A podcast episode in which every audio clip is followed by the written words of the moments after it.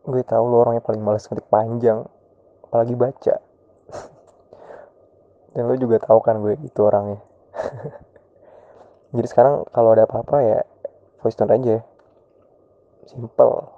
Atau kalau lo mau ya call gue aja bisa. Ya biar gue bisa enak aja ngingetin lo. Curhat kalau juga enak sebel-sebelan ke lo. Dan marahin lo juga pastinya.